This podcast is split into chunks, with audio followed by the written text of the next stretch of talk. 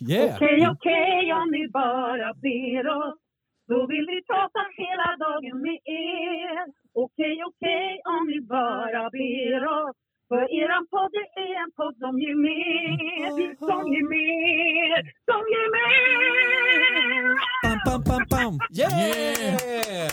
Ja, bra! Är Melodifestivalslut också. Ja, jag, visst. jag såg poserna liksom framför mig, händerna upp i luften och knuten näve. Jättebra.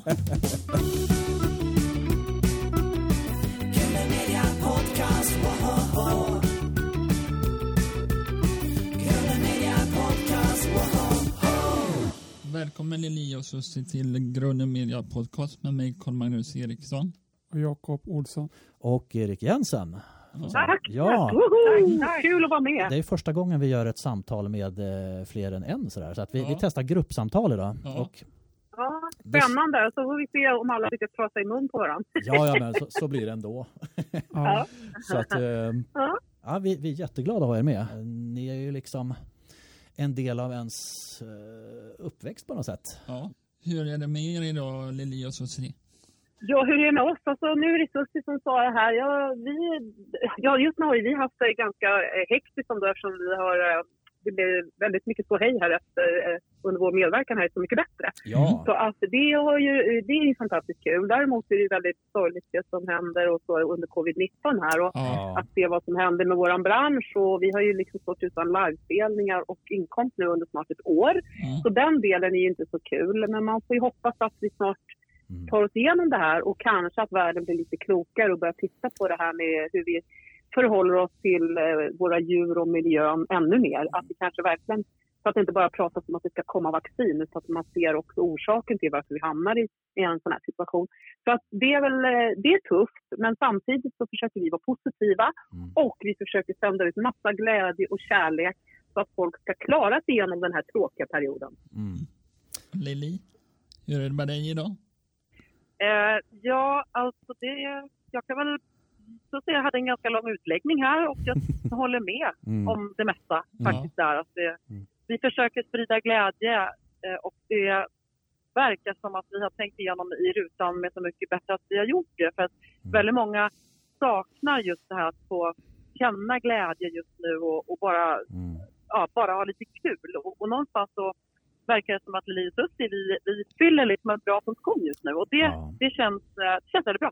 Ja, men lite där lägerelds eh, sammanhållningen som man kan behöva i en sån här eh, tid. Ja, liksom, att samla, samlas kring någonting. Eh, Ja, och där är precis. Så mycket bättre, ett fantastiskt forum. Ja, Så. verkligen. Hur går det till bakom kameran med Så mycket bättre?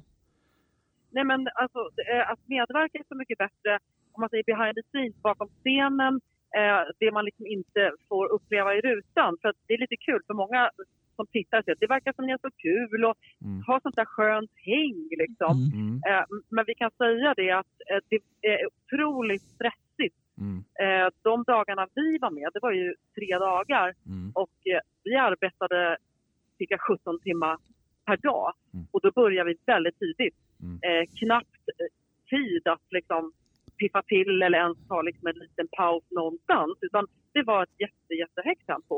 Mm. Eh, för det är mycket intervjuer kring varje moment man gör. Så Ja. är det liksom eh, intervjuer, intervjuer, intervjuer. Och så fort man är klar med det då skjutsar man till nästa position och sen så ska man ju sjunga också. Mm. Eh, så att eh, väldigt hektiskt faktiskt men, men väldigt kul Mm. eh, ändå. Men, men det var inte så mycket häng som man, säger, man hann med, med med artisterna utan det var liksom ett sch- schema som var fullt kan man säga. Ja, man hann ju inte liksom kanske lära känna eh, alla på det sättet som man gör om man stannar en hel, alltså om man är fast som det kanske var förut en hel period. Mm. Eh, då tror jag liksom, nu blir det när man är där som vi, när man kommer de här dagarna så är det ju, då är det liksom 17 timmars pass och så är det, Mm. du är inbokad hela tiden och sen efter varenda framträdande och sådär så ska man ju liksom, ska ju intervjuas och det ska göras olika, så det är väldigt lite tid att man hinner liksom sitta och hänga med varandra som de filmar typ allt från att du går upp till du går och lägger dig. Oj. Du har ju inte den här tiden att sitta. Men det var väldigt kul ändå att man hann få en fin kontakt. Och sen tycker vi att det var väldigt intressant att se artister från andra typer av scener som vi vanligtvis inte stöter ihop med. Mm. Eh, det, var jätte, det var väldigt spännande och kul att liksom verkligen sitta på plats och ta in så olika tolkningar och, Mm. och se. Så, så det, var, det var jättekul. Det är intressant det där tro- att det pressade schemat. Alltså det, det är ingenting som märks liksom i... Ja, De är väldigt duktiga på att klippa ihop. och- Mm. Men men jag kan säga det, om man liksom har svaga nerver, vilket vissa artister har haft genom åren som har deltagit här, och då, det kan man ju säga liksom att det var det kan vara en mardröm. Ja, alltså det kan vara en mardröm för vissa. Man, man, man måste vara lite tålig Ja. eh, om, om man ändå ska kunna känna att man också har lite kul och en upplevelse att det inte bara är liksom en mardrömsscenario. Men, Ja. men som sagt, vissa har, det har varit tufft för många som, som har varit med faktiskt Ja. att det är knappt att de har klarat av det. Så, att så pass, eh, så, så hektiskt är det att, att vara med. Men Ja. som vi tycker, det är alltid skitkul att, att göra saker och det här var något nytt för oss. Mm. Eh, och sen är det alltid kul, vi är två. Det är alltid bra. Ja, precis. Och vi kanske har en liten annorlunda kanske att vi också, jag har fått höra från väldigt många just att vi också var väl, att vi är så avstämda och kanske eh, inte har haussat upp vår medverkan så mycket utan att Mm. vi går in och är oss själva till 100 procent och så Mm. liksom gör vi det som vi kände att vi har eh, haft kapacitet att göra kring Ja. programmet Mm. och göra det vi kan av de låtarna som vi liksom valde att göra. Mm. Och det, det tror jag också har gått hem lite faktiskt när jag ser folks reaktioner. När man läser mycket så här inlägg på sociala medier så är det Mm. liksom någonting som det verkar som gemene man har känt att vi liksom, eh, vi är de vi är bara och så, Mm. så får det vara nog med det. Mm. Mm. Men, men att det är liksom att vi, eh, när vi väl uppträder så upplever människor en väldigt stark energi.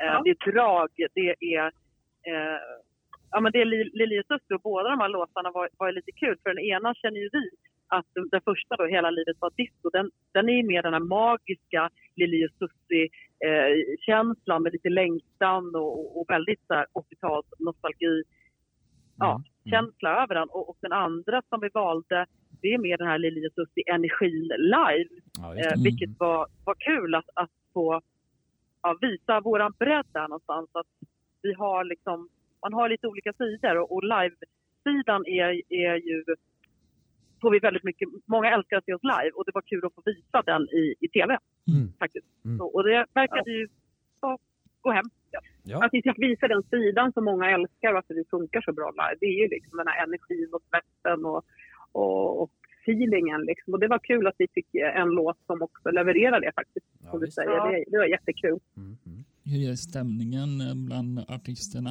eh, när man är där? Vi hade kul Mm. med, med de andra artisterna men nu är det så att vi är så gamla i gamet tänkte jag säga att man har ju gjort så mycket. Så jag tror att man är ganska flexibel och att man Mm. eh, ställer in sig på, men nu är den här situationen, nu kommer vi möta massa eh, av artistkollegor och vi ska tolka varann och, Mm. eh, och då ställer man in sig på det och så försöker man liksom, ja, göra sitt bästa och ha kul. Och Mm. jag tycker att eh, det var roligt att möta alla, eller vad säger du Susie? Ja, och sen så tror jag också att många, när du sitter där så är ju alla också väldigt koncentrerade på det man också ska göra. För det är ju ett, ett, ett stort program och alla vill ju prestera liksom. Så att det finns ju en fokusering men jag upplever att eh, jag tycker alla stöttar varandra väldigt fint och eh, är nyfikna på vad, på vad liksom alla ska hitta på. Mm. Det tycker jag var rätt skön stämning faktiskt. Eh, Ja, positivt. Ja, Ja. Ja. Hur kändes det att se andra artister tolka er då? Det tycker jag var otroligt kul. Alltså, vi är inte så vana vid det och vi har inte varit med i något sånt här typ av program. Så det var väldigt, det var väldigt, väldigt roligt. Det enda vi saknade var väl att vi tyckte det hade varit väldigt, väldigt kul om det hade kommit med någon kanske av de låtar som vi har skrivit helt själva också. Ja. Eh, så. Att vi kanske tyckte att någon låt sådär, som kom var, väntade vi oss inte alls. Mm. Liksom. Mm. Eh, så. Eh, och sen kan vi väl tycka att det var lite synd att det missades till exempel The Color of Love. Mm, ja, klassiker. Ja. så då. En Som vi hade hoppats Ja. att, ja faktiskt, som vi verkligen hade kanske tänkt att ah, den kommer Benjamin få en superhit. Ja, han är cool. Nej men Ja. så väljer han en låt som ingen har hört liksom. Ja. Det var, ja, det var lite märkligt. Så det var lite överraskande men samtidigt kanske... Kanske en rolig koppling i det. Ja, det fanns en rolig koppling med oss och Pernilla och sådär. Ja. Så att det blev bra och han gör den jättebra. Ja. Men om man hade fått önska, liksom, då hade det varit väldigt kul om kanske Summer Enough, Where Eagles Fly, Show Me Heaven, eh, någon av, av Nothing Could Be Better, någon av våra eh, liksom, eh, egenskrivna låtar eh, helt hade kommit. Det hade också varit väldigt roligt. Ja, alltså, ni, har ju, Men- ni har ju skrivit en hel del själv också. Liksom. Men det är väl eh, så här, de här Norell Olsson Bard eh, eh, låtarna liksom som kanske lyfter Ja, fram det, där. det som plockades fram här var, Mm. var ju det. Mm. Eh, så, men men just, vi ska inte ta ifrån, vi har ju varit med, om man säger, om man säger alla de här låtarna. Ja. Eh, ja, precis. Men att vi var ju med. Vi har ju varit med och liksom arrangerat och skrivit. Det tror vi sa ju så mycket bättre att man Mm. på den tiden så var det så att gjorde du melodier och låtslingor i en, en låt som till exempel det här teamet gjorde så fick man liksom ingen... Man var liksom inte med låtskrivare. Nej. Nu är det helt annorlunda idag. Mm. Eh, så det vi till exempel tillförde till Omama som är en stor del av, av, Omama i slutet till Mm. exempel när den här bakgrundskören går, det, de, den skrev vi. Men Aha, okej. men så är det ju. att man, man får ju liksom, då, det var lite annorlunda då. Utan man bara Men om du var tittar liksom, ja, och tittar på så här, om du går in och kollar på upphovsmän, om du tittar på nya hits, Mm. alltså om man går in och tittar på så här, då är det ju ofta, ofta det kan ju vara liksom fem, sex, sju, åtta personer Ja, just det. med. Melodifestivalen framförallt. är ja. Många. Ja, och där också. Men om man går och tittar på de här världsartisterna liksom, du vet, som ligger och toppar listorna nu. Det var lite roligt. Jag gick bara in och liksom tittade. Mm. Och på en var det liksom åtta låtskrivare med. Mm. Eh, och då är det liksom så, vem som från början kanske sitter och leker i studion, hittar ett coolt, Mm. alltså en skön stämning i någonting för att sen bolla med den. Och, Mm. och det var ju egentligen likadant när det begav sig med oss. Att Ja. vi liksom fick ju låtarna till att bli Lili och Susie med vår attityd och vårt sätt att indela och, och liksom, eh, hur vi la våra motkörer och bytte refränger till en annan refräng. Ja, det. Ja. och det är klart att vi var ju en stor del i låtarna och idag så hade vi självklart stått med som låtskrivare. Mm. Så egentligen så är det ju våra låtar som framförs också såklart. Mm. Men just det här att det är ju lite så här alltid att om man tittar på kredibilitet så tittar ju folk fortfarande på Åh, har ni varit med och skrivit låten? Mm. Och men det är som syrran säger, det var liksom ett annorlunda, det såg inte riktigt ut så. Vi då som kom in som två blonda bombnedslag som alla Mm, kallade oss för. mm, Liksom. mm. Så var det lite svårt för folk att acceptera att vi även var två eh, engagerade och duktiga låtskrivare.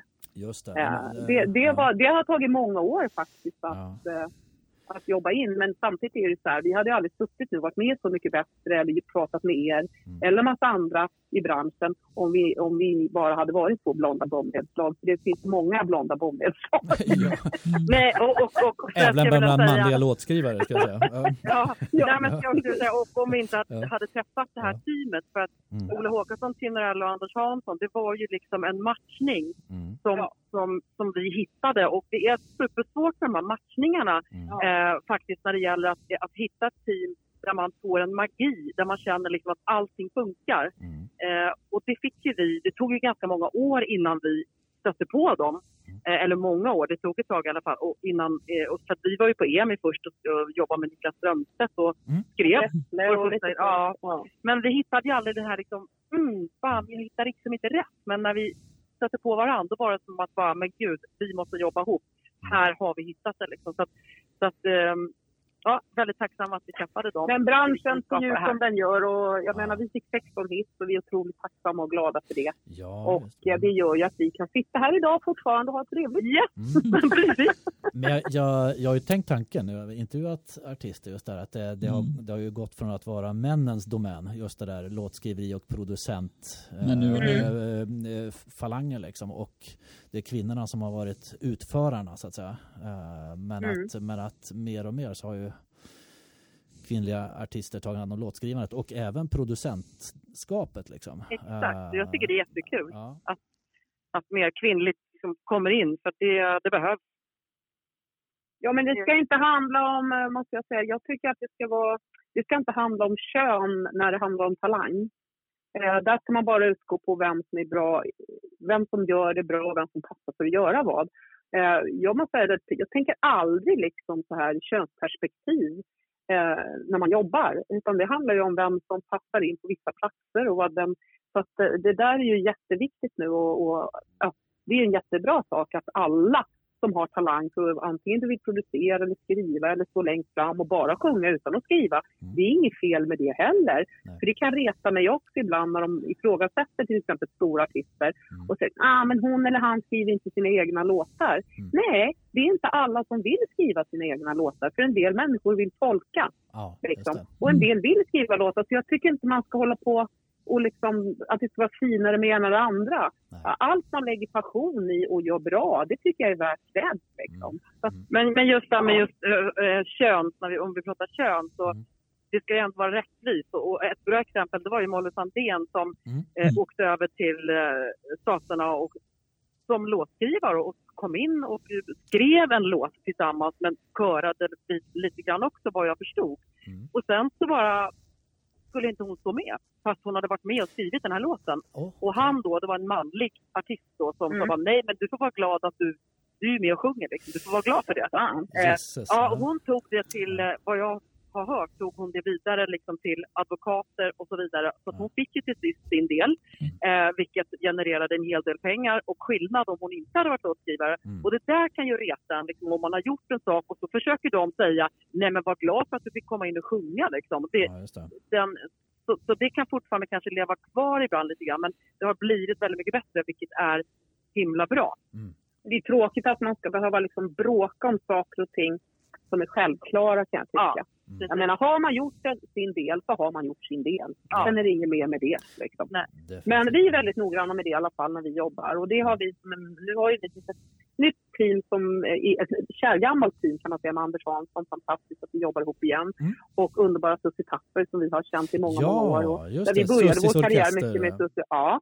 Och hon är ju en av Sveriges absolut bästa textförfattare och låtskrivare. Hon Mm. är ju enorm. Mm. Eh, hon är ju tyvärr sjuk i Parkinson så vi får ta mycket hänsyn till hennes sjukdom. Men eh, trots det är hon otroligt produktiv. Men vi är väldigt noggranna med att vi är liksom ett team nu. Men tar vi in någon annan utifrån, för vi jobbar ju med andra låtskrivare och, och sådär också. Då är vi väldigt noggranna liksom med att alla vet att alla får sin del. Det handlar aldrig om att någon ska känna att vi utnyttjar någon eller lurar någon på någonting. Utan liksom, är man med och tillför i låtarna, då är man med. Det är ju självklart. Men jag hoppas att de har lyft eh, Anders Hansson och Susie Tapper, för det är de som vi har jobbat tillsammans med, eh, med tolkningarna, Mm. båda Precis. låtarna. Okej, Så- ja, det är de som är delaktiga i eh, eh, Så mycket bättre. Ja, Och det- ja. Mm. Ja, och det var det som var så kul när vi träffade Anders, eh, eller när vi bestämde oss för de här låtarna så Mm. var ju inte Anders Hansson inkopplad ännu som producent utan vi eh, tog i kontakt med honom. Mm. Eh, och vi var lite oroliga, gud hur ska vi få till de här låtarna? Vi hoppas verkligen Ja, att vi hade ju kort om tid. Mm. Ja, vi hade jättekort om tid och liksom, vi kände ju att det finns Lili Susie. Magin i den ena och sen Mm. finns det liksom live-sidan i den andra. Men vi måste liksom få ut det här på bästa möjliga sätt och vi Ja. måste skriva om texterna. För båda texterna var drogrelaterade. Hoppsan. Både. Hela livet disco och eh, En liten kyss av dig. Ja, men det var ju liksom Ja, ja. koppling till, till droger. Så att, eh, men, men när vi då fick samtal med Anders när han när han hade hört då, låtarna, då Mm. blev vi så. Det var så här, puss, för han sa jag vet exakt hur jag ska göra de här låtarna. Det är Ja. inget problem. Ja. Eh, och då visste vi produktionen har vi på plats, men nu är det texten. Mm. Eh, så det var ganska mycket bollande med Susie Tapper hur vi fick fram eh, båda texterna, men, men blev skitbra faktiskt. Ja. Så, så, så är det när man jobbar med proffs. Det gick rätt fort faktiskt också. På Ja. alla fronter. Det tog inte lång tid utan ofta är det så när man hittar en magisk känsla som vi hittade tillbaka som vi kände både med An- Anders och Susie Tapper. Mm. Den här magin och känslan eh, i studion. Och då går det ofta så här, det går fortare. Man trevar inte så mycket utan man, man har hittat någonting och då växer det ganska fort fram. Mm. Eh, och det var Det häftigt. kändes också att vi tog vid lite i den magi där vi var förut. Ja. Att det var häftigt att på något sätt, jag fick den känslan när vi kom in i studion, att Anders har liksom gjort sin resa med allt vad han har gjort och från en fantastisk karriär. Mm. Eh, liksom Susie Tapper har gjort sin resa med allting. Vi har gjort våra resor, Mm. både som Lili och Susie men också solokvist. Liksom. Ja. Och så möts man igen med allt det man har tagit med sig men hittar tillbaka till någon känsla. Ja. Och då kan man liksom på något sätt plocka ut det som var bäst då Ja. och kanske ta bort det som var mindre bra. Och så tar man in liksom all den här erfarenheten men ändå kändes det som vi hade kvar samma glädje och energi. Mm. Så alla sa det här, känner ni, känner ni liksom att vi fick den här magin i studion? Och det, det känner jag varenda gång jag hör Hela livet var disco. Just det här, kicken, var är det? Ja, Ja, Ja. kick, kick. Ja, nej, nej, men det, var det är så faktiskt stort. ett, ett, ett liksom så här, vad är det hon säger jämt på Idol? Hallelujah moment, eller vad är det hon Halleluja säger? moment. Ja, ja, jag kan tänka mig det. Ja, men det var, det var faktiskt det. Och, och konstigt nog så kan jag säga liksom att jag har inte känt det här lugna moment Nej, på länge.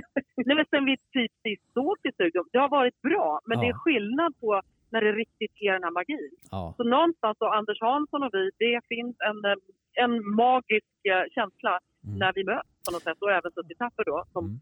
som tillför så otroligt mycket med sina briljanta texter. Och ja. då måste jag säga idéer också. För hon är Ja, lite så här, ibland lite så här, eh, det är ju så med den där sjukdomen att ibland går, ja, det tar lite tid liksom. Mm. Men när hon sitter och fnular så kan hon komma med sådana otroliga liksom att ja, jag tycker nog ni ska sjunga kanske så här i slutet. Mm, mm. Och så kommer en sån här briljant idé liksom. Så Mm. det, det är häftigt med henne. Mm. Hon kommer med så här eh, sköna inlägg liksom i, i hela tiden. Ja, Ja, nej, men det är ett skönt gäng. Jättebra magi och vi är jättetacksamma för att vi Eh, fick till det så bra kring med de här låtarna eftersom att det var kort om tid och det var en tuff tid nu med covid-19 och man har inte någon, den ekonomin som man brukar ha och utan att det blir liksom eh, det blir tuffare och man måste jobba på ett annat sätt och sen även med smittorisk och sånt där det innebär att man kan inte sitta och hänga i studios och sånt på samma sätt som man har gjort tidigare. Utan det är ofta kortare sessions och man måste känna efter att man är pigg och inte har något symptom och sånt där. Så att det, Ja. det, det är ju liksom lite krångligare just nu att jobba. Och likadant, likadant kan jag säga under inspelningen så är det ju mer än normalt som man kände att artister hade kramat varandra vid Ja. tillfälle eller Ja. du vet tagit varandra i hand eller liksom man hade närmat sig. Man kanske blir så jävla glad över att höra Ja. en tolkning att man Ja. liksom, nej men jag vill ge dig en kram. Ja, Och det ja. fick vi ju inte. Nej. Så det, Mm. den, den biten blev liksom lite grann att nej, ni måste hålla avstånd och man ska kolla feber man ska, varenda dag. Det, ska, liksom, det var ändå så här, Ja. det blev ju lite, li- kanske lite stelare på det sättet. På nålar. Än, Mm. än, och än när man kan kramas och bara liksom yes! Mm. Ja. lite så. Eh, vad har ni för favorit i Så mycket bättre? Mm. Gud vad svårt. Alltså jag måste säga att det var eh, många som eh, imponerade. Alltså, Ja. Eh, så, men Patti, jag hörde en, en, en tolkning som jag gör. Nu har inte jag hört alla. Mm. Men jag tycker den är så förbannat bra den här gamla. Nu taking Maria away. Bara pappa. Alltså gamla låten som är Körbergs låt. Ja. Och jag bara gick in och lyssnade och jag tyckte Plura gjorde den så himla bra. Ja. Alltså, så jag gillar den låt. Jag tycker det är en jättebra låt. Men sen måste jag säga våra tolkningar så tycker jag de lyckades. Alltså jag tycker jag kände mycket feeling när jag satt där. Eh, nu har inte jag gått in och lyssnat så mycket. Men Omama är ju alltid Omama. Den är Ja. alltid härlig att höra. Mm. Men jag Men tycker jag ju gillar det, Marcus. Ja, det alltså jag. Marcus Ja. version tycker jag är... Jag älskar det här. Alltså det flummiga att han gör en mer...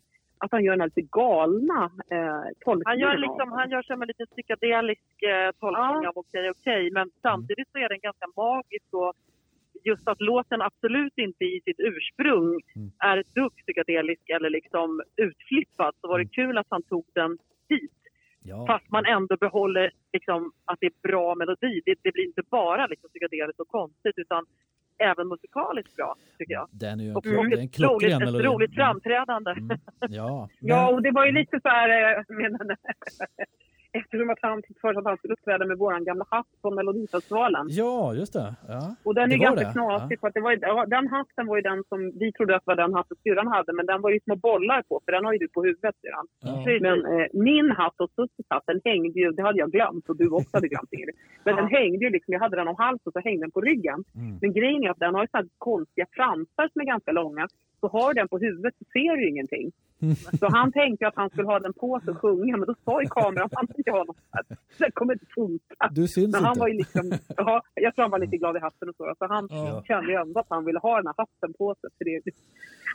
Men det sprack ju. Så det var lite Ja. roligt. Det var drama där i studion. Men, Ja, det var lite drama. Men, men, det, men just det här med lite glad i hatten, det är väl någonting som är lite förvånande också. Att det, är lite, det, att det tutas en del. Eh, det, Det börjar på lunchen och sen är det förfest. Då tutas det vidare och sen tutas och sen tutas det vid middagen. Ja, men det ser man väl också i Ja. bild. Det, det är vin som serveras. Men, men Ja. även lite starkare drycker liksom som förfest. När vi hade 80-talsfesten där, då bjöd vi på eh, och mammadrink och det var ju Ja, stadig nice. rus och allt möjligt. Stad i rus. Eh, olika. Ja. Ja, vi döpte den till så, så det var lite kul. Eh, men men så, så, det- så, då kan det bli att man, ja, man släpper lös lite grann och, och Marcus gjorde verkligen det där men insåg att ja, det gick inte med den där hatten i alla fall. Nej. Det Så var- är det. Det var ju faktiskt en fråga från Kalle här, Ja. var den där coola hatten kom ifrån. Men det var alltså Melodifestivalen. Ja. Och, och då snackade Jajamensan, vi... åh! Det är originalet. Okej, okej, 1989. Därför har ju kopplingen han gjorde yes, yes. Så att, eh, där Invigning av. Globen. Ja. Så det är en raritet. Det, ni var först ut i den tävlingen minns jag. F- Ja, och det Bidrag roliga är att syrran säger innan vi går ut där, när Yvonne Ryding står och ska presentera oss, så Ja. säger syrran så här. "Äh, Ska vi dra? Ska vi skita i det här? Det. Alltså, vi rymmer, vi rymmer. Ja. Därför grejen men- är så här, vi ska vara Ja. ärliga, det var ju liksom ett fantastiskt band såklart. Ja. Eh, och så med Anders, eh, vad heter han? Anders Englund? Nej. Berglund, Berglund. Berg- Berglund, ja. Berglund Och så. Men, men, jo men grejen var ju så här att vi eh, gjorde ju en programmerad pop och danslåt. Ja. Och den var inte gjord för tromboner och liksom trumpeter och så. Mm. så. Så att vi kunde ju inte få för, fram liksom det här dansgroovet riktigt i den. Mm. Och eh, så det var väl liksom det mest vi kände att vi kunde inte riktigt ge låten rättvisa i det, som liksom, i det arrangemanget som den hade, hade behövt för att nå ända fram. Så det kanske var därför syrran kände lite så här. Det var Ja, en jo, klockren jo, öppning på den gör det. Ja. Nej, men om man tittar på som man ser oss framträda så tror jag att det var absolut helt okej om man säger så. Men, Mm. men, men hur den egentligen hade låtit om man hade fått så här punchet från programmeringen i grunden och kanske blandat upp det live, Mm. då hade det ju blivit så här som en jävla smash. Liksom. Men, Mm. men samtidigt så den blev jättepopulär. Vi fick en hit och eh, vi Ja. var jätteglada. Absolut. Så var det. Så att, eh, vi är för tacksamma för det. Men det är roligt att hatten ändå kom tillbaka. Det är så mycket bättre när han gör vår tolkning igen då. då Ja, och att den, ja. den får med. Det är Ja. kul. Det var ju Tommy Nilsson som vann det året minns jag, en dag. Ja. Eh, och Ja. där i kören, hans kör, fanns det faktiskt en, en nära medarbetare till er där då. Har ni fortfarande kontakt med An- Anki Bagger? Jajamensan, hon har, ingår ju mycket i oss i vår show 80-talsnatt. Och Mm. vi kommer även göra kanske lite streaminggig framöver här eh, som sänds från henne och Mattias gemensamma båt, MS Molly, som Aha. står på Strandvägen. Så vi har mycket kontakt. Vi har ju så, men, men eh, under de här covid-19-tiderna kan man inte hänga så mycket så det blir inte att man träffas så mycket just nu. Nej. Men annars så spelar vi mycket tillsammans och, så där, och showar och, och, så, och umgås. Så att, jo då. Vi försökte faktiskt få med henne. Ja, men vi försökte, vi gav på förslag faktiskt till Så mycket bättre-teamet då. Om att, slippa, eh, att, att, att få in Anki på något sätt eh, eftersom de skulle plocka in vänner och skulle prata med folk runt omkring. Och då hade vi tyckt det var jättekul Ja. Mm. eh, att, eh, om hon hade kunnat kommit in på något sätt. Men sen så, Ja. ja, så blev det inte så. Men, men eh, vi eh, samarbetar och vi har kul och vi blev väl alltså, mer tajta. Det var fyra år sedan, eller hur? Så det är tre, fyra år sedan vi träffades igen så att säga, efter ett ganska långt uppehåll Mm. och som vi började jobba igen. Mm. Eh, Mm. och det känns himla kul för att eh, turnéer eh, har vi, ju- vi har giggat ihop och vi har väldigt roligt. Man skrattar mycket ihop och det är så mycket minnen vi har med Anki eftersom Mm. hon är en barndomsvän också. Jaha, Så. okej. Ja. Så ja, alltså Susie och Anki gick i samma klass sen Ah, lågstadiet. Vi träffades i andra i, i tvåan tror jag. okej. Tvåan, ja precis. Ja, Andra tvåan, trean vi- där. Så att vi har hängt i många, många, många år. Mm, mycket roligt. ungdomsminnen, ungdomsminnen Mm. kan vi säga som är, är, är helt... eh, Anki Bagger är ju lite wild ibland. Mm. Du vill Så vi höra? har många- Ja. Nej men vi har många ungdomsminnen. Vi ska Ja. inte säga att vi inte heller var wild för att vi hade, så jag hade ju båt när vi var eh, unga och det har vi fortfarande. Vi älskar ju att köra båt och skärgårdsfreaks. Ah, Eh. Ja. freaks. Ja. Men i alla fall, vi, det var en händelse. Anki var med. Hon var Ja. också med på vårt eh, landställe Vårholma. Eh, och då gjorde vi en tur och så skulle vi vara lite tuffa. Så finns det en ö som heter Valön som är en, en, en militärö. Den är så här jätte, jättehög klippa. Och jag lovar, vi pratar kanske, vad kan det vara, så 20 meter? Ja. Men gud, ja för fan den är vidrig. Den är, Ja, den är, det, ja, men alltså, vi pratar 20-25 meter, alltså hög. Den som klipper man Eh. inte hoppar ifrån egentligen. Eh, Nej, Nej, man gör inte det. Men grejen är så att vi, vi skulle imponera, det var lite killar som var med som Mm, så var det några båtar som låg där. Så skulle vi imponera på dem och visa att vi skulle våga hoppa från den där jävla klippan. Då. ja. Och, Ja, men det är en eh, dykklippa som de här som, eh, som ni vet, såna här som gör såna här, som kan sån här klippdykning. Det kan man Mm. ju se i Acapulco, så här, du vet gamla Elvis-filmerna och så här. Ja, Du vet, man kastas ut, man kastas ut och så vänder man i luften. Det är ju alltså, en dykteknik, men det kanske inte vi är riktigt besatt. Mm. Nej, det, men däremot var vi ju så här, vi var ju så badtokiga. Vi tyckte om att liksom hoppa från höga höjder och så här, men Ja. kanske inte så här högt då. Men då skulle vi in på det och så drog vi liksom strå så här, vem av oss tre, för det var vi som stod där, jag och så var det Susie och så var det Anki, Ja. vem ska liksom få det här jävla kortaste strået då? Och Anki drog ju det där kortaste strået. Så, och, och vi trodde ju faktiskt inte att hon skulle hoppa. Ja. Men så här, ett, tu, tre, sluff, då försvinner hon liksom, och ser ut som en liten docka som segnar Ja, det ner där. Då insåg vi att ja. men gud, det är ju för högt. Det är för högt. Ja. Liksom. Vad har vi gjort? Så vi blev jätteoroliga. Men då så ser Ja, vi Anki landa. Jag landar där nere, långt där nere. Ja. Tittar upp och så ser vi att ena benet liksom hänger lite slappt bakom. Och det enda hon skriker på är hoppa inte! Hoppa inte! Åh. Ja, och vi rusade ner och hjälpte upp henne där. Så att hon eh, fick en... eh, Ja, hon skadade benet faktiskt. Nej, Men hon bröt ingenting. Nej. Men eh, det var, riktigt, det var riktigt dumt. Riktigt dumt. Men ett ungdomsminne Oj. som vi har gemensamt. Ja, Som man inte ska göra. Ska det är Absolut. avskräckande aldrig. exempel. Nej. Ja, men Don't Ja, det hade... Försök aldrig imponera, det är bara dumma grejer. För att är man eh, tillräckligt intressant så imponerar man ändå. Don't try this at home. Eller ja, framförallt inte hemma får vi säga. Nej. Eh, Nej.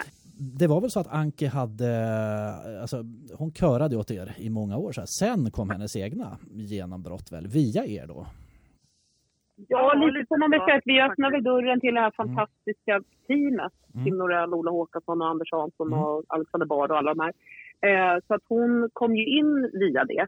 Liksom, men vi hade ju redan innan, om man säger innan vi blev, om man säger slog er som Elias Susse så hade ju vi haft en hel del liksom, shower och kört runt med andra artister och jobbat. Och då var Anki med också. Men sen Mm. Försvann hon iväg lite Perfin och gjorde annat. Och vi Mm. satsade liksom hela vägen vidare. Mm. Och sen hittade vi tillbaka till varandra lite och hon kom med som kör till oss. Och sen Mm. Ja, fick hon sina hits och det är jättekul. People say, Ja. vad heter den? People say it's in the air whenever we meet. Ja, Det var en, är det Wow. Norell, Olsson och Hansson som ja skrev? bra Mm. låt. Och vi har ju lite roligt när vi är ute på 80-talsnatt för då gör ju både hon och Herreys den. Så det blir Ja. varje liten droppe regn är tårar för mig. Ja. People say it's in the air whenever we meet. Så det blir lite roligt då när Och, och det roliga är, men det roliga är liksom att publiken, Ja. eh, för de ligger ju inte helt efter varandra. Nej. Nej, de fattar länge. Ja. Så de förstår liksom inte, nej men de tycker båda är skitbra, men man tänker inte på att, att det liksom är samma låt. Det är ju För det är klockrent. en engelsk, en Ja. svensk. Och eh, alla tycker på, alltså båda tycker, fan vilken bra låt va? Men så frågar man så men, men, men liksom, ni vet väl att det är samma låt? Den Va? har vi hört förr. Ja. Ja, just det. Då, då liksom när man säger det, men annars är det så här, japp, det är två olika låtar.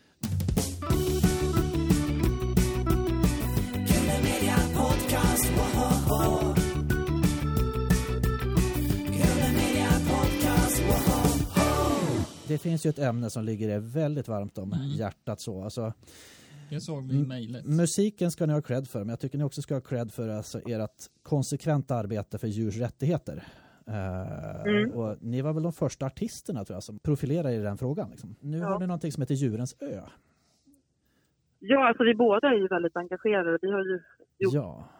mycket under äh, artisteriet och det, Ja. det handlar om 35 år. Ja. Så, men, men, och nu, eh, nu fyller faktiskt djuren så här 20 år i år så Mm. även det arbetet har, har pågått länge. Men, men det är ju det är en plattform, det är eh, en Wildlife Rescue eh, där vi tar hand om vilda skadade djur. Eh, och sen så jobbar mycket med information Mm. för att nå ut och berätta om varför blir vilda djur skadade och vad man kan göra. Och det är mycket trafikskador och oljeskador och skräpskador skulle jag vilja säga Mm. eh, som drabbar djuren. Eh, fruktansvärda exempel som vi har sett som man bara tänker så här, tänk om någon hade tagit upp det där efter sig, eh, den där fiskelinan eller kroken, så hade inte det här hänt. Så, så det var väl därför vi gjorde tv-serier då på TV4 också, för att visa arbetet. Eh, och, och det blev faktiskt fantastiskt, för att det blev som attitydförändring Mm. hos folk. Att nej, men nu när man har sett alltså, hur det gick för den här skatan och, och, och varför den blev skadad, då, då ser jag helt annorlunda på skator nu. nu. Nu gillar jag dem. Ja, men det blev liksom Mm. att man, man fick se deras perspektiv. Och, och kul med musiken som Susse och jag också skrev till, till Djurens Ö tv-serie. Det blev också väldigt eh, uppskattat med stark musik som förhöjer. Eh, så att det är full fart där faktiskt. Och vi, vi eh, fortsätter arbetet med just engagemanget för djur och natur. Det, det tror jag vi har haft sen eh, vi var små. Alltså små. Mamma och pappa tog med oss ut i naturen och Mm. vi har alltid fått ha djur. Och, och i släkt tillbaka så finns det ett stort engagemang. Så att, eh, det blev väl liksom explosionsartat för oss. Ja, det har väl alltid funnits där liksom naturligt för oss med, med det här med respekten och att vi har någon övertygelse med att, eh, eller, över att, att världen skulle se helt annorlunda ut om vi lärde oss tänka mer vi än jag. Ja. Och att man liksom ser att vi är en del av naturen. Eh, Det är inte så att vi kan styra och ställa hur vi vill och göra vad vi vill utan vi borde också respektera den jord vi liksom brukar och trampar på och Mm. allt det. Vi är så beroende av en levande värld. Därför blir man ju, och är man ju väldigt liksom, man förstår ingenting när man ser vår relation till naturen och djuren.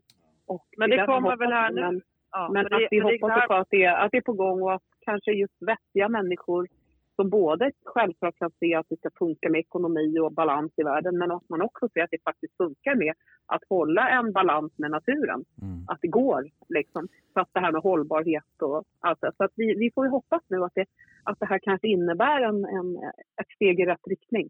med, med, Alltid. alltså med covid-19, alltså, det är någonstans där som, eh, som det börjar också. Nu börjar vi få betala den här notan och Mm. den eh, kommer heller inte bli snällare Billigt. framöver utan det kommer liksom komma flera sådana här saker om inte vi eh, så att säga ändrar eh, vårt förhållande till djur, natur och hur vi behandlar.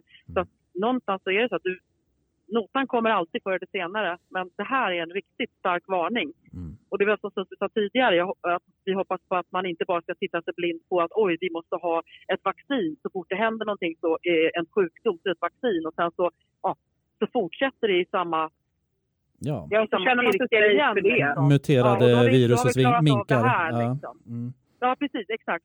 Eh, exakt. Och, och det, så tror man, ja, men nu är det safe igen, nu har vi klarat av det här, men nu fortsätter vi samma bana. Mm. Eh, fortsätter med de här djurmarknaderna och allt möjligt, Mm. smittor och ja, behandlingen av djur och natur. Och då, det kommer ju bara upprepa sig, det kommer bli värre. Det, är Ja. ju, Sen kan det ju bli, det kommer kan ju komma en pandemi som är mycket mer smittsam än den här. Ja. Men Det kan ju vara Ja, det känns som Så topp, att, toppen Men det som är häftigt att Mm. se kanske, som är, är lite positivt, är att det är alltså häftigt att se hur snabbt ändå naturen har återhämtat sig på vissa platser då där Ja. ja, Ja. städerna stängs igen. Alltså, alltså, djuren tar över rätt fort då, eh, och liksom anpassar sig. Och, så det är ganska liksom, ja, man ser ändå att det finns en återhämtningskraft och, eh, och just med utsläpp har man sett och mätt att oj, det här har ju gått ner ordentligt liksom, och att det, det är betydande. Eh, så att jag tror ändå naturen har en återhämtningskraft om vi bara ser till att sköta oss lite bättre. Eh, och det kan väl det här kanske bevisa då, så att man börjar tänka mer på det. Och det kan ju också vara ett hopp för eh, yngre människor, många som mår dåligt psykiskt idag. För det är ju Mm. tyvärr utbrett med mycket psykisk ohälsa. Mm. Och då kan det ju också betyda mycket när man faktiskt ser att eh, när man gör en förändring så kan naturen repa sig relativt snabbt. Ja. Och det kan ju också vara väldigt hoppfullt att se att det går att göra någonting och få människor att vilja göra någonting. Liksom. Istället för att man går och tänker så här, äh, det är ingen idé så jag kan lika gärna skita i allt och bara köra på. Det är ju tyvärr ganska många som resonerar så. Och det är ju liksom en, en väldigt sorgligt sätt att, eh, att se på livet och världen. Liksom. Ja, är det, inte- det är lite märkligt att vi, vi måste tvingas via en pandemi till att, eh, så att säga... att Men det är ofta så, liksom, Mm. människor funkar ju lite så. Att det, det är ganska mycket kortsiktighet Mm. någonstans. Och det är väl, man lever mycket för nuet, även om vi nu har kapacitet att tänka mycket längre så, och, Mm. och planera och, och, och se effekter av saker och ting. Så har vi ändå det här i oss någonstans som en grundsten på något sätt att Mm. det är här och nu och man bryr sig om sitt sig liksom. Och, det är väl kanske någonting också, eller kanske, det är såklart att vi ärvt det från djuren också som allting annat. Eh, men just det här att vi har ju faktiskt eh, möjligheter att göra förändringar och det är ju vi som så att säga, förstör det mesta på jorden. Det är inte djuren utan det är ju människor. Så vi har ju det ansvaret och det måste vi börja titta på nu. Och en starkare och tydligare varning än det här. Eh, vi har ju inte kommit hittills, inte riktigt på den här nivån. Så att man hoppas ju verkligen att det här ska vara liksom en ögonöppnare eh, och att man faktiskt jobbar efter det nu. Så det, det, det har vi hopp om. Liksom. Eh, hur många djur har ni haft Och gud, vi har haft många hundar och katter och Ja. annat. Ja. Det är nog svårt att räkna. Ja. Men eh, det, Ja. det, är väl, det är väl ett gäng som har, vi har haft glädjen att ha och de bär vi med oss Mm. hela livet. Även Ja. de som, det är tyvärr så med hundar och, och katter så att eh, normalt sett så, ja, man, de lever inte lika länge som oss. Så att det har ju blivit ett antal kära små vänner vi haft. Men syrran kan ju inte Ja, räkna det är nog alla djur. så att- 15-20 Mm. 15-20 Tillsammans. katter och Mm. hundar också. Ja. Så att det, det, och, och, alltså, Och sen djuren är ja. ju fantastiskt, men Mm. eh, att ha det är ju som bästa vänner och eh, bästa medicinen tänkte jag Ja. säga, när man mår dåligt eller hur, hur, hur läget än är så har man alltid sin vän där. Ja. Och det är det som man uppskattar hos djuren, att de, de dömer ju inte någon utan de finns ju alltid där för dig eh, med sin kärlek och sin glädje. Och, eh, och det är så himla skönt. Jag tror att det är därför många eh, ja, skaffar mer djur. Alltså det ökar hela tiden med hundägande i Sverige och över hela världen. Och katter. Så att man vill ju ha djuren nära sig. Eh, så det, det betyder otroligt mycket tror jag. Så att, eh, Det känner jag att den här tiden så var det rätt tufft och tråkig under covid-19 här. Förutom att jag är glad för att vi har haft vårt musicerande nu med, Ja. med så mycket bättre och allt som har hänt kring det. Så, så har ju eh, Maron, liksom våran hund, han, han betyder otroligt mycket. Alltså, Ja. Det är bara att, att ha närheten till dem med deras sätt att vara, med deras kärleksfulla Alltså bara deras existens och få vara nära någon så här mjuk, god, härlig, positiv och som bara är som den är varenda dag och där man liksom trots covid-19 och så man går ut och då känns ju ändå livet ganska som vanligt liksom. Kravlös går i kärlek. skogen och sätter på... Ja, jag tycker att det, Ja. det är faktiskt absolut en av de finaste saker man kan uppleva i en bra relation med ett djur. Ja, och just Det- den här det- ärligheten att liksom, Ja. det spelar ingen roll, de visar vad de känner men de har, det finns, finns inga baktankar som Nej. människor ibland så kan man, man har blivit ganska bränd på att folk ljuger eller liksom eh, ja, de har onda avsikter och så försöker de liksom manipulera. Och, liksom ett djur, du behöver aldrig känna någon sån oro utan de visar tydligt vad de känner och är fullkomligt ärliga i Ja. allt. Ja. Eh, och det känns ju, det är en av de absolut starkaste och viktigaste bitarna. Eh, plus all kärlek och glädje. Det är så fullständigt, ja, men vi har väldigt mycket att lära av djuren. Eh, fortfarande, även om vi härstammar från djuren så skulle vi titta mycket mer på hur de är och, eh, och lära oss av det. Ja, det är Men, märkligt eh, att mä- människan ställer sig över djuren vad det gäller eh, tilltron Ja. på sin egen eh, godhet och förmåga. Det är Precis. inte alltid det är så liksom. Ja. Uh, ja, men det, där har absolut. Men bara an, angående Djurens ö så, Mm. så har vi planer på, vi har jobbat de senaste fem åren, att, Mm. att eh, bygga upp ett större ställe Ja. som kommer bli eh, ett, ett besökscenter också. Så att man kan ta dit besökare och företag och skolor och eh, lära sig mer om djur, natur eh, och kopplingen till människor. Och just det här att inte människor att inte vi står utanför utan vi är en del och vi måste försöka se det så. Men också kunna förmedla det på ett roligt sätt med musik, artister och Ja, mötas, ha en plattform så att man både får uppleva Mm.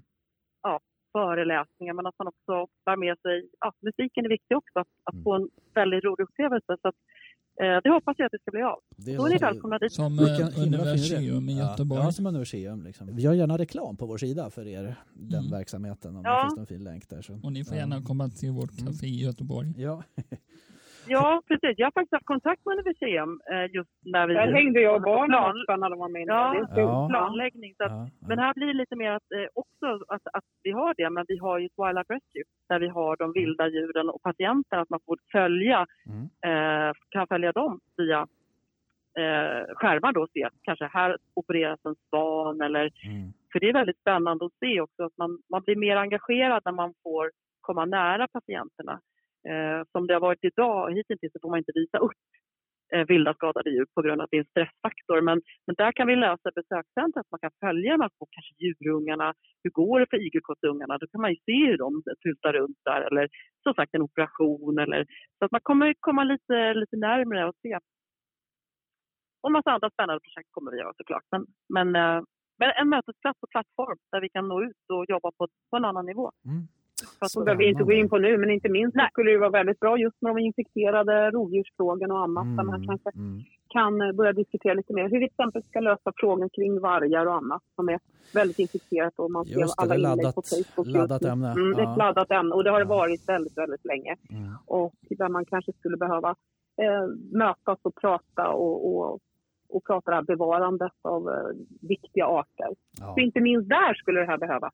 Ja. Ja, för att det kommer också vara en del av det. Vi, vi satsar på att bli satellitstation Mm. till... ehm, det finns inte så många som, som jobbar med hotade arter och, och, och, och det kan också vara en risk om det händer någonting Mm. på de ställena att det inte finns tillräckligt mycket eh, resurser eller satellitstationer för att bevara den arten. Så Mm. det är någonting som vi, det är nytt för oss. Den biten kommer bli ny. Men vi har eh, väldigt bra ledsagare och eh, forskare och annat som är duktiga som kommer att finnas med att hjälpa till. Men det är också en spännande bit Ja. eh, som vi kommer att titta på. Så det, det kommer liksom bli som en liten, en liten hel cirkel som vi försöker sluta på något sätt. Och, Mm. och samma sak där. Ha föreläsningar, men titta på lösningar. Komma med förslag Mm. och lyfta frågor. Eh, det tror vi. Utan att det ska bråkas hela tiden. Nej, Mm. utan Utan att man ska kunna ha liksom vettiga, vettiga Ja. och bra diskussioner Ja. eh, med vettiga människor. Liksom, där man är inte ute efter att driva hat eller personliga vendettor och sådär. Utan att man... Eller eh, pekfingrar hit och dit. Nej, utan mer liksom utan vara öppen och lyfta frågor. Ett dilemma i Eh, denna och- tid vi lever i, att det blir mycket, det är svårt att föra en diskussion Ja. konstruktivt. Ta Liksom, så att det är välkommet. Ta Ja. en kopp kaffe och sitta ner och dricka och, Och prata. pratas, ja visst. Men på något sätt Ja. känns det lite som att vi är, som Sturan sa tidigare när vi kom in i programmet, där, att vi är rätt flexibla och så här. Och Mm. man har ju själv ibland eldat upp och blivit arg och man, eh, Mm. man liksom kanske ser från sitt eget perspektiv eh, väldigt starkt. Att man med åren har lärt sig också att ta in och lyssna på. Det har att göra med att man har, det, man har gått igenom misslyckanden, man har blivit Ja. förtalad, det har hänt saker, man har tagit upp igen och man har fått jobba hårt för att överleva. Så man har liksom en väldigt, vi har så mycket erfarenhet nu så det känns som att nu är man mera mogen för att också kunna hantera människor kanske på ett sätt som man inte kunde tidigare. Mm. Liksom. Mm. Och så ska Eh, man ju veta vet det. Ja, precis. Som människor som Susie säger. Alltså, människor är ju som djurskyddsorganisationer till exempel. Det, kan vara, det, det lärde vi oss rätt så tidigt när vi började jobba med Ingrid af Trolle ideellt för, för hennes förening. Så, så det, var, det var bråk överallt. Och man, den är dum där, den är dum där. Och där ska vi De verkligen... intrigerar med varandra. Ja, precis. Och därför det är väl en av de sakerna som Djurens Ö eh, verkligen jobbar för. Det är att samarbeta och samverka. Eh, och så fort det blir tjafs och någon börjar ta energi och, och prata strunt och sådär, det, så jobbar inte vi. Så, utan vi jobbar för samverkan och det har vi faktiskt lyckats med Mm. bra. Eh, att vi har aldrig bråk inom Djurens Ö och Mm. inte med dem vi samarbetar med. Utan det, vi jobbar inte på det sättet. Utan det, och då når man mycket längre. Man drivs ju av en större sak, det är att Mm. göra världen bättre. Eh, om man bara håller på med intriger och tjafs och ska Mm. pekpingar och tala om vad den har gjort fel och den har gjort fel. Mm. Så har vi alltid sagt så att vårt mål måste ändå vara detsamma. Även om vi kanske har olika idéer på hur vi vill ta oss dit. Så, så är målet detsamma. i att man vill verka för att göra världen bättre. Ja. Så Sen är det, Det det, gäller ju liksom, ja precis, det är jätte, jättebra eh, som Susie säger, men just det här, eh, det gäller ju både, jag tror det gäller många föreningar överlag. Man kan ju se liksom så hemföreningar, det är ganska mycket tjafs och bråk överlag. Så det är väl någonting vi försöker sprida, just det här med att respektera varandra. Vi kan inte, alla kan inte vara lika, utan man måste få vara olika och det är väldigt viktigt att man är det. Eh, och det är likadant som Susie och jag, för att vi får ofta den frågan, så här, men bråkar ni? Eller liksom, bråkar ni aldrig? Hur är det me- mellan er? Och sådär. Och, Mm. eh, jag tror att Susie och jag, vi har med åren också mer och mer eh, ja, det är vi nyfikna på. Ja, men förstås, Ja, ja, respektera, ja. ja. alltså Mm. respektera att, att vi är olika. Liksom. Vi Ja. är olika som personer, men det är just därför som vi kompenserar varandra på scenen, sångmässigt sett. Eh, och även nu, tycker jag, privat, att vi, vi har väldigt kul. Men jag är som jag är och Susie som hon är och vi vet om det. Sen att det kan bli lite tjafs och grupp och bråk, det blir det alltid. Men överlag så känns det som att vad fan, vi, man får respektera varandra som, Ja. som man Men är. sen i mycket så är man ändå lika i, i det Ja. vi liksom står för och så. Så att man är lika men olika. Och det är väl Ja. viktigt när man jobbar med män, det måste ni också känna när ni jobbar tillsammans, Ja. att man måste ge varandra utrymme och ibland får man backa undan Mm. och ibland får man liksom, eh, så, här, så att det, det är viktigt det här med balans. Ja. Nej, men det är intressant, här, ni verkar ju alltid vara så synkade. Har det aldrig funnits någon form av rivalitet? Tog syrran killen du hade crush på? Så här, eller? Det finns gott om killar så det är ju inget... Just när det gäller killar så, så har vi faktiskt olika smak. Aha. Ja, men det, det är sant. Vi har, så där har det aldrig varit något krux. Hon är den minst flörtiga typen eh, som jag nästan har mött. där, är jag lite, där är jag lite värre. Liksom. Nej, men jag är Ja. lite mer, Ja. jag kan inte flirta lite. Jag tycker det är liksom romantik och sådär. Så ser jag är mera, nej men hon har, hon har sin kille och de, alltså, de träffades väl typ i 16-årsåldern. Så att, och hon har hållit ihop med samma kille, vilket är helt fantastiskt. underbart. Ja. Eh, ja, så att hon är inte den här riktigt flörtiga typen och jag är lite mer flörtig av mig då. Men, men, eh, men så där har det inte varit något krux. Men, men sen kan det väl varit perioder i, i början, eller liksom tidigare, när jag, för jag är två år yngre. Och, och i viss period, liksom, när jag var då 12, det var till 14, Mm. Då till exempel fick inte jag komma med på disco. Men Susie Ah. och Anki gick ut på disco och jag fick liksom vara hemma. Och då kunde jag känna mig så här, lite med avundsjuka, men vad fan, jag vill ju också följa med. Ja, fast jag var ju för, jag var ju för ung. Och nu i två år ingenting, men då var det ju saker som att jag inte fick följa med på saker för att jag var för ung. Men, Mm. men sen så fick jag hänga med. Men det var ju liksom lite grann där, just, just i den åldern, som man kände att man liksom, man inte fick hänga med på saker. Och då var man lite avundsjuk. Så var. A- Angående det här med killar då. Ja, eh, vi har ju ett minne av Solstollarna. Där gör ni en reklam för Knegos choklad och där säger det vi delar alltid lika. Det var Ja. bara för tv liksom. Det var inte, det var inte så det var egentligen. Ja, jo, det var faktiskt bara för tv. eh, Ja, och- ja. ja, och det var en lite speciell inspelning där. Det var kul. Vi, man är väl ingen ja, stjärnskådis direkt, men det var roligt att vara med. Men vi lever ganska olika liv. Så att vi, vi, eh, vi, vi Susse har tre barn och jag har inga barn. Så att, eh, så, så att det blir liksom att vi ses ju inte jättemycket privat. Mm. Eh, lite mer än nu. Men det fanns Mm. en period på tio år där vi faktiskt när Susse skaffade sina tre barn och jag filmade och jobbade bara med Djurens ö eh, med hela det projektet. Och då reste jag ju och, eh, runt hela världen och filmade plus tog hand om djur och Susie hade ju liksom sitt låtskrivande och barnen och då, då var det ju en glipa på, ja det var tio år som inte vi stod på scenen tillsammans. Men sen när vi väl möttes igen, och det var en händelse för vi hade inte tänkt återuppliva Lili Susie egentligen. Utan, eh, utan det var 2007, 2008 då en vän eh, skulle ha ett, ett Pride, ett Pride-fest i Malmö. Ja. Mm. Och då, och frågade kan inte ni komma och sjunga några låtar? Mm. Ja, eh, ja, okej, ja vi, vi gör väl det för din skull då. Mm. Så, så då bestämde vi för att åka dit. Men Mm. då hade det liksom läckt ut att vi skulle dit. Så när vi Ja, kommer dit på kvällen då är det så fullt med folk utanför och de står våra skivor och spelningen blev liksom magisk och, och, och vi skrattade och hade så kul i logen och då, Ja. då var det här liksom mötet både med vad jag kände i alla fall, för jag hade inte stått på scen och mött någon publik utan jag har ju haft liksom musik i tv-serier men jag hade ju inte gjort ett endaste jobb på Nej. tio år. Nej. Så att när man kom dit då var det så här, men gud, jag förstod då hur mycket jag hade saknat publiken, Lili Susi, men, men också liksom att vi hade saknat, jag kände att gud, man saknat det här roliga vi har tillsammans. Ja, Så det blev liksom en, en, ett starkt möte på, på olika håll och kanter. Mm. Eh, och sen strax därefter så, så klev vi in då i Melodifestivalen 2009 Mm. med Show Me Heaven. Just det, ja, gjorde comeback Ja. där. Ja. Precis. Men Och så var det ju rullning igen. Ja, ja. Alltså Ja, jag kan tänka mig det uppdämda behovet liksom. Ja, när man väl står där på scenen igen och precis. förstår nu har det här har jag saknat liksom. Och den responsen kan jag tänka mig. Du sa ju Pride där. Jag har förstått att just hbtq-rörelsen liksom, där, där är ni precis. ikoner. Ja, exakt. Och då Ja. kände vi, ja men det är klart vi gör det för vår väns skull. Men man hade ju inte förväntat sig... Det var ju mer såhär, ja men vi gör det. Och sen när det började bli upphaussat, de sa det Ja. på nyheterna, och sen när vi kom dit. Ja. Då var det kändes som att vi hade saknat publiken jättemycket. Ja. Eh, och alltså tvärtom, det blev som att en, ett magiskt möte igen.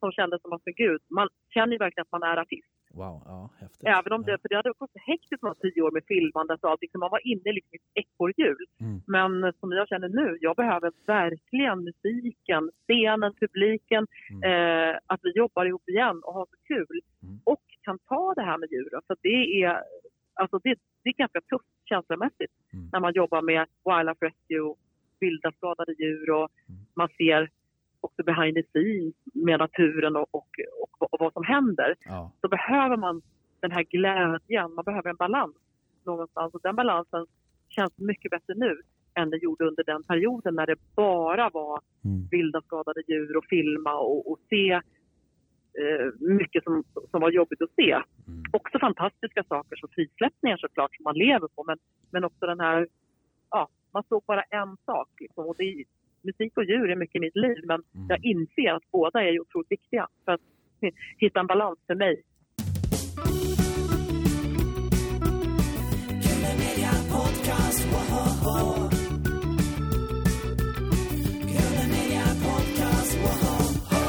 På, på tal om live, jag såg ju på Facebook, eh, ni spelade i någon lägenhet. Vill ni berätta om det? Just det, det var jo, vi, eh, vi ska ju då, ja vi, vi har ju tänkt att vi ska följa med i utvecklingen här eftersom det nu är som med covid-19 och det här Mm. verkar ju dra ut på tiden. Så känner vi att många, många frågar och inte minst nu efter Så mycket bättre Mm. att de vill liksom se oss live och vi vill ut live. Mm. Och då eh, har vi också börjat tänka lite på det här med streaminggig. Så att det vi gjorde från Uppsala eh, på anrika klustret Just det, det var ju liksom ett, ett, ja, ett live-rep. Och det är lite roligt. Och så många av de musikerna vi jobbar med, bland annat Playboy, så Bosse Lindmark då, som är kapellmästare i bandet vi jobbar mestadels med, Mm. eh, han bor i Uppsala. Eh, så att, eh, och sen var det lite roligt också att en av våra första gig eh, som vi gjorde när vi var ute, eh, 86, Mm. när vi började turnera som Lili och Susie, var just på Klustret också. Och Ah. sen skulle vi även ha varit där typ för någon månad sedan och gjort 80-talsnatt. Mm. Så att, eh, då hade det varit som det var för, förra året bara, så hade vi tusen personer där när vi körde där, Lili och jag och Anki Mm. Bagger och Herreys. Yeah, Eller hur syrran? Ja. Ja. Så att det är lite roligt blev det då att vi får låna Klustret och sända ifrån. Mm. Så att, eh, det var då ett litet live-rep vi sände. Men snart så kommer vi sända en hel konsert även från Klustret. Åh, vad kul. Blir det med Anki och eh, Herreys också då? Så att det är samma konstellation? Mm. Eh, nej, alltså det börjar väl med att vi, det blir Lili och Susie och sen beroende på hur det går med biljettförsäljning och allting och hur seriebudgeten ser ut så kommer vi bjuda in trevliga gäster från 80-talet. Ja, ja men Ja, spännande. Ja, det, det ja. vill vi gärna följa. Ja, då, var det, Ja. då, då kan man koppla upp oss till oss och vi kunde kolla här på Storbilds-TV. Jag måste en liten relaterad fråga där. Kommer ni ihåg ert första tv-gig? Ja, gör vi det sedan? Var, eh, var det med på måndagsbuss? Nej, det måste ha varit med Susie Orkester på något eller vad?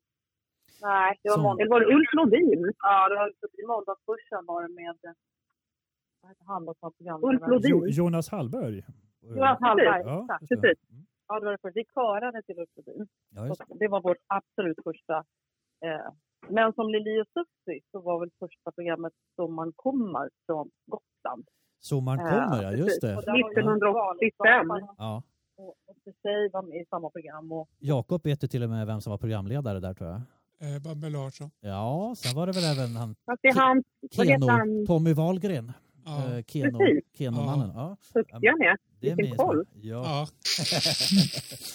Le- le- Lexikon här. Hur känns det att se sådana alltså 30 år gamla klipp på sig själva? Alltså, vad tänker ni när ni ser den där yngre upplagan? Ja, att livet går fort. och det. att man har fått vara med på en fantastisk resa.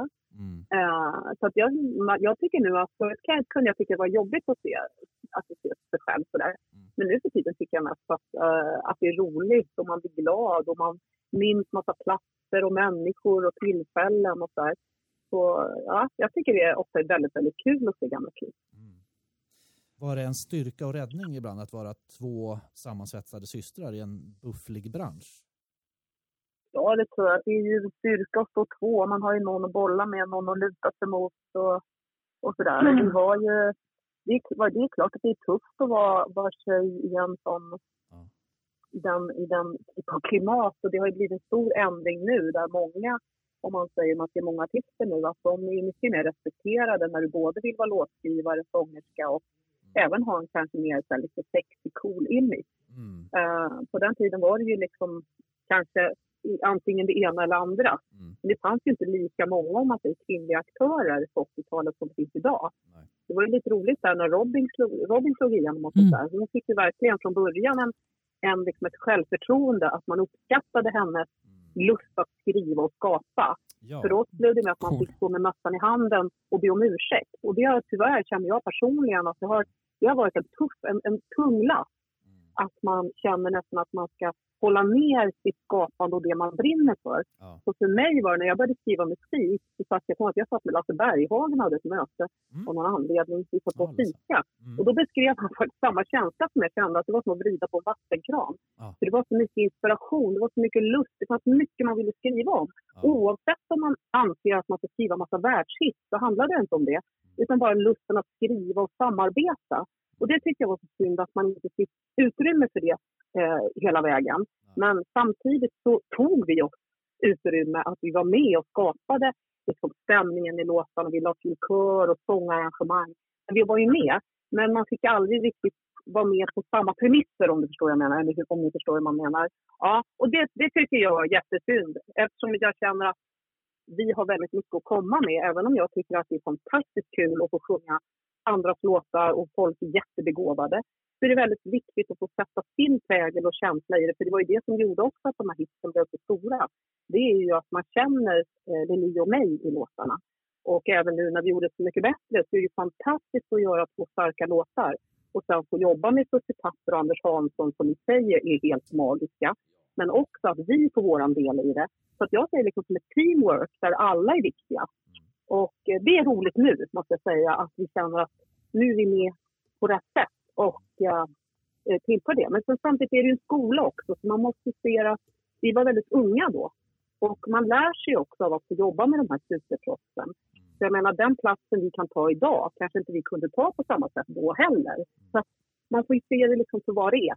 Att, eh, att det är väldigt kul att vi nu sitter här och, och kan göra både, stå på liksom, både som sångerskor och artister och blanda det. Så det är jättekul. Så all tid har ju sitt. Men det är roligt tycker jag nu när man... Jag hörde en bra intervju med Agnes igår. Ja. Uh, den tyckte jag var jätterolig. Och hon hade ju någon late night concert. Ja, eh, så.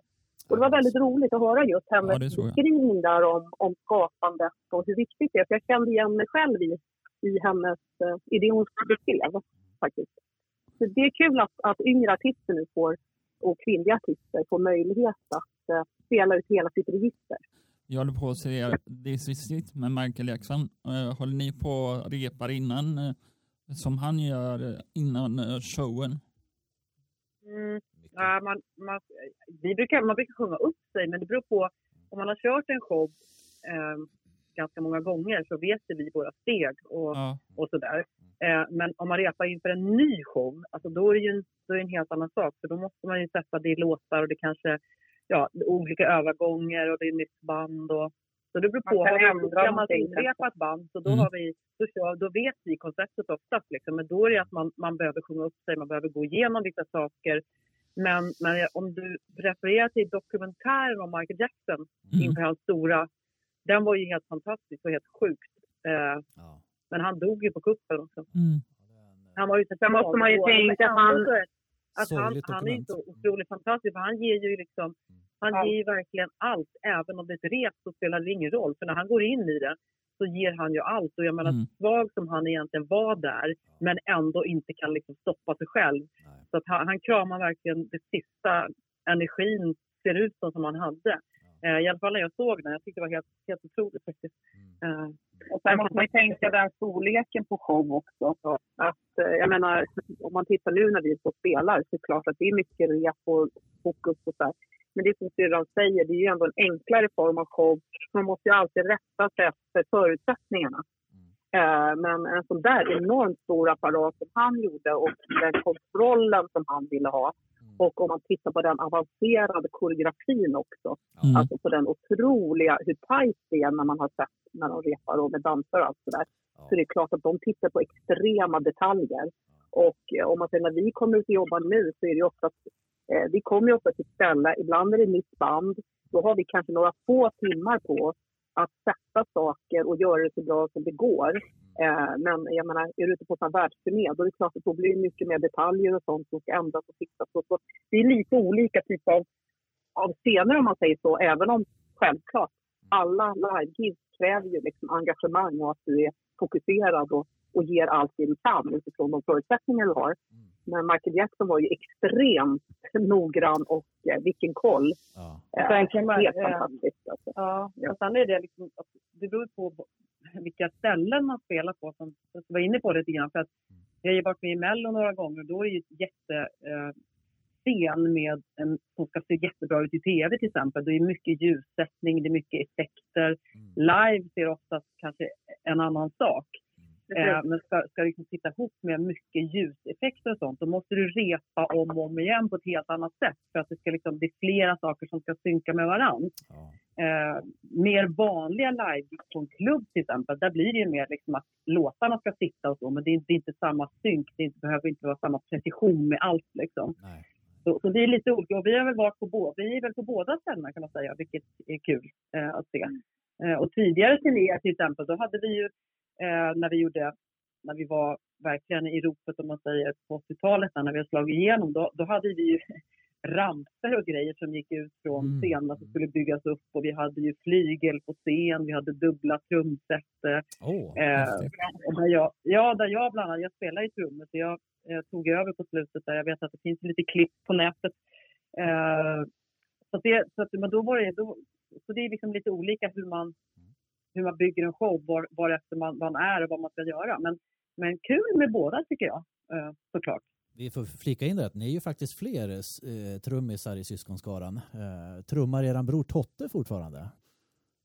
Ja, han är, han är jättebra trummis. Ja. Eh, och han är ju fantastisk, måste jag faktiskt säga. Hans största passion är han en grym jazz och storbandstrummis. Ja, Eh, han är otrolig på det. Där kan jag känna ofta att hans största feeling ligger liksom i, Ja. i, i, i den eh, musikstilen. Men han är väldigt duktig. Han är även musiklärare och, och sådär och har Okej. ju gått i regionmusiken. Och han har gått eh, musik ja, genom Akis och sådär. Så. Akis ja, Men sen är ju syrran hade kunnat bli en jättebra trummis också om hon hade velat satsa hela vägen. Men hon får vara lite av chilla i här och rycka in. Ja, men det, det får vi ju plocka fram på nästa turné. Det, Ja, det tycker jag absolut. Men jag tänkte bara säga, flika in där, att Totte är ju, han är ju fast trummis i Hepstars. Jaha, spelar med Ja. Hepstars nu? Ah, okej. Ja, Ja. visst. Så han har varit fast trummis i flera år. Eller ganska, ja, måste nästan vara i tio år nu. Kommer du ihåg Jakob vad Hepstars första trummis hette? Christer Pettersson tror jag. Ja, Så det namnet, ja. Ja det finns många Christer Pettersson men det här var... Ja, exakt. Det är inte den Christer Pettersson. Pettersson. Inte den. Nej. Inte från Sollentuna som vi lärde känna. Som, ja. Nej, just det. Nej. Ja, okej, han är också Mm. därifrån. Så. Ja. Ja, men vad Nej, kul, men det är- kul att höra. Ja. Ja. eh, Ja. Så han är igång också. Fast han har inte heller någonting att göra nu med sådana jobb eftersom Nej. cor- nej. corona. Och de har lite speciellt Hepstars för de bokar ju liksom, eh, så att säga, konserthallar Mm. och betalar och håller i det. Sen så tar de in intäkter. Så för dem är det så att de måste ligga väldigt långt framöver, alltså framförhållning. Mm. Så de har ju nästan ännu värre än vad vi har. För vi kan ändå få så här att man kommer på befintliga klubbar men de måste så här boka upp ställen långt tid innan. Så att, Ja. nej, det har drabbat många. Har ni sett eh, ABBA live? Nej. Tyvärr inte. Det hade varit Men däremot har vi sett dem i en båt i Sjönöd utanför Vaxholm. Oj, att vi fick rycka in. Ja. Det här de bodde ju, Ja. Jo, men vi bodde ju nämligen på en ö som heter Vårholma. Den Ja. ligger i Lindallsundet ute i Stockholms skärgård. Och de bodde ute på Viksö, Vigsö som ligger mitt emot Grimma. Ja. Och ofta då så blev ju Vaxholm då en sån här litet mecka där man åker in och handlar och provianterar och Ja. ja. fyller på vatten. Alltså allting på den tiden. Och då Ja. kom vi ihåg att vi såg dem när de hade fått motorstopp och så låg och guppade och Oj. vinkade. Vi bara, men shit, det är Anders, det är Anders Yvonne Greta, våra idoler. Ja, vad, Ja, vad, vad ropar man då? Men vi, men Sjung vi, någonting. vi hann liksom inte fram, för det kom en annan båt. Ja, precis. Tyvärr. Så vi hann Så vi inte var ju på väg dit liksom, för vi var ju såklart i eld och lågor. Liksom. Vi var Pavo, mamma kör för fan! snabbt." Så att vi hinner dit, så kom en annan båt. Ja. Men Ja, de vinkade till oss och de Ja. vinkade ju ändå sådär attack liksom för att ni skulle hjälpa oss och sådär. Så att det, det levde vi på ett tag. Det var ju kul Vi, såklart. vi pratar hela ABBA här alltså. Vi pratar alla fyra. Så Ja, faktiskt- jag tror faktiskt att de var hela gänget. För Ja. det var väl Ja. på den tiden de faktiskt var tillsammans fortfarande också. Eh, jag menar, jag vet inte, men de var i alla fall där hela bunten. men de hade väl, de hade väl studio ute? I Ja, de hade det tror jag, där, där, ute, Vigstad. precis. Mm. Så jag Ja. tror säkert, förmodligen var det så att de jobbade kanske Ja. i kombo liksom ute i studion. Så, att, så att det var Mm. faktiskt alla fyra. Mm. Jag vet de hade Coolt. något sommarhus där på någon eh, ö där, där de Mhm. satt med ett litet Ja, piano på balkongerna. Ja, fint alltså. Va, vad säger man i sånt läge? Vi hjälper er om vi får era autografer. Någonting. precis. Vi mejlar dem. Ja. Nej, skoj. Ja. Eh, Låten O mamma, hur många gånger har ni sjungit den? Det kanske man skulle kunna räkna ut, men jag vet inte. Vi gjorde ju som mest typ 250 jobb om året och sen många gånger gjorde vi tre shower per kväll på den tiden. Om man nu räknar hur många år vi har turnerat sen eh, det begav sig 1987 när den kom, så ja, jag vågar inte tänka på hur många gånger. Det är jätte, ja, men alltså, det är jätte, kan inte ni försöka räkna ut det? Ja, Ja, Utefter det. om man om man man räknar kanske... de senaste tio åren, ja men då har vi kört liksom, åtminstone nästan eh, kan varenda helg. Liksom. Ja. det kan vi göra. Så att det blir, ja, gör det. Det blir nog några tusen. Vi är intresserade av den siffran. Eh, hur kom låten om mamma till Lili och Susie? Alltså, det lite lustiga med den är ju att den hette faktiskt Min och Johnnys sång eh, från början. Aha, på Och svenska. den var inte alls, den var inte alls så rolig. Nej. Eh, och så. Men eh, det var liksom, vi fick ju ordning på den där, att det sen blev en engelsk text och så. Men vi sjöng faktiskt in den och testade på svenska. Ah, Och det blev jättedåligt. Vad var det gick bara? Na, na, na, na, na, na. Na, na, na, na, na. Min och Johnnys sång. Ja, just det. Så. Ja, just det. Hördes gång på gång. Min och Johnny. Ja, Hemskt. Den var hemsk. Vad gillade ni Sators version av Obama? Obama säger jag, förlåt. Jag tar Den den är igen. rolig. Är ska jag säga. rolig, Ja. Oh mamma can't you tell, oh mamma can't you tell. If you want my love, will you ring my bell? Exakt. Det här var så oerhört spännande och fint. Vad roligt. Ja, men det var supertrevligt att prata med er. Det var, ja. Den här stunden har gått snabbt. Man, det går fort när man har roligt. Men då hoppas jag att alla får vara friska och att sända ut kärlek och hopp till alla och sen så att vi hörs snart. Åh, oh, detsamma. Ja. Kärlek tillbaka till er. Ja. Ha det bra. Kram, kram. Hej, hej, hej, hej. Kram, kram. Podcast,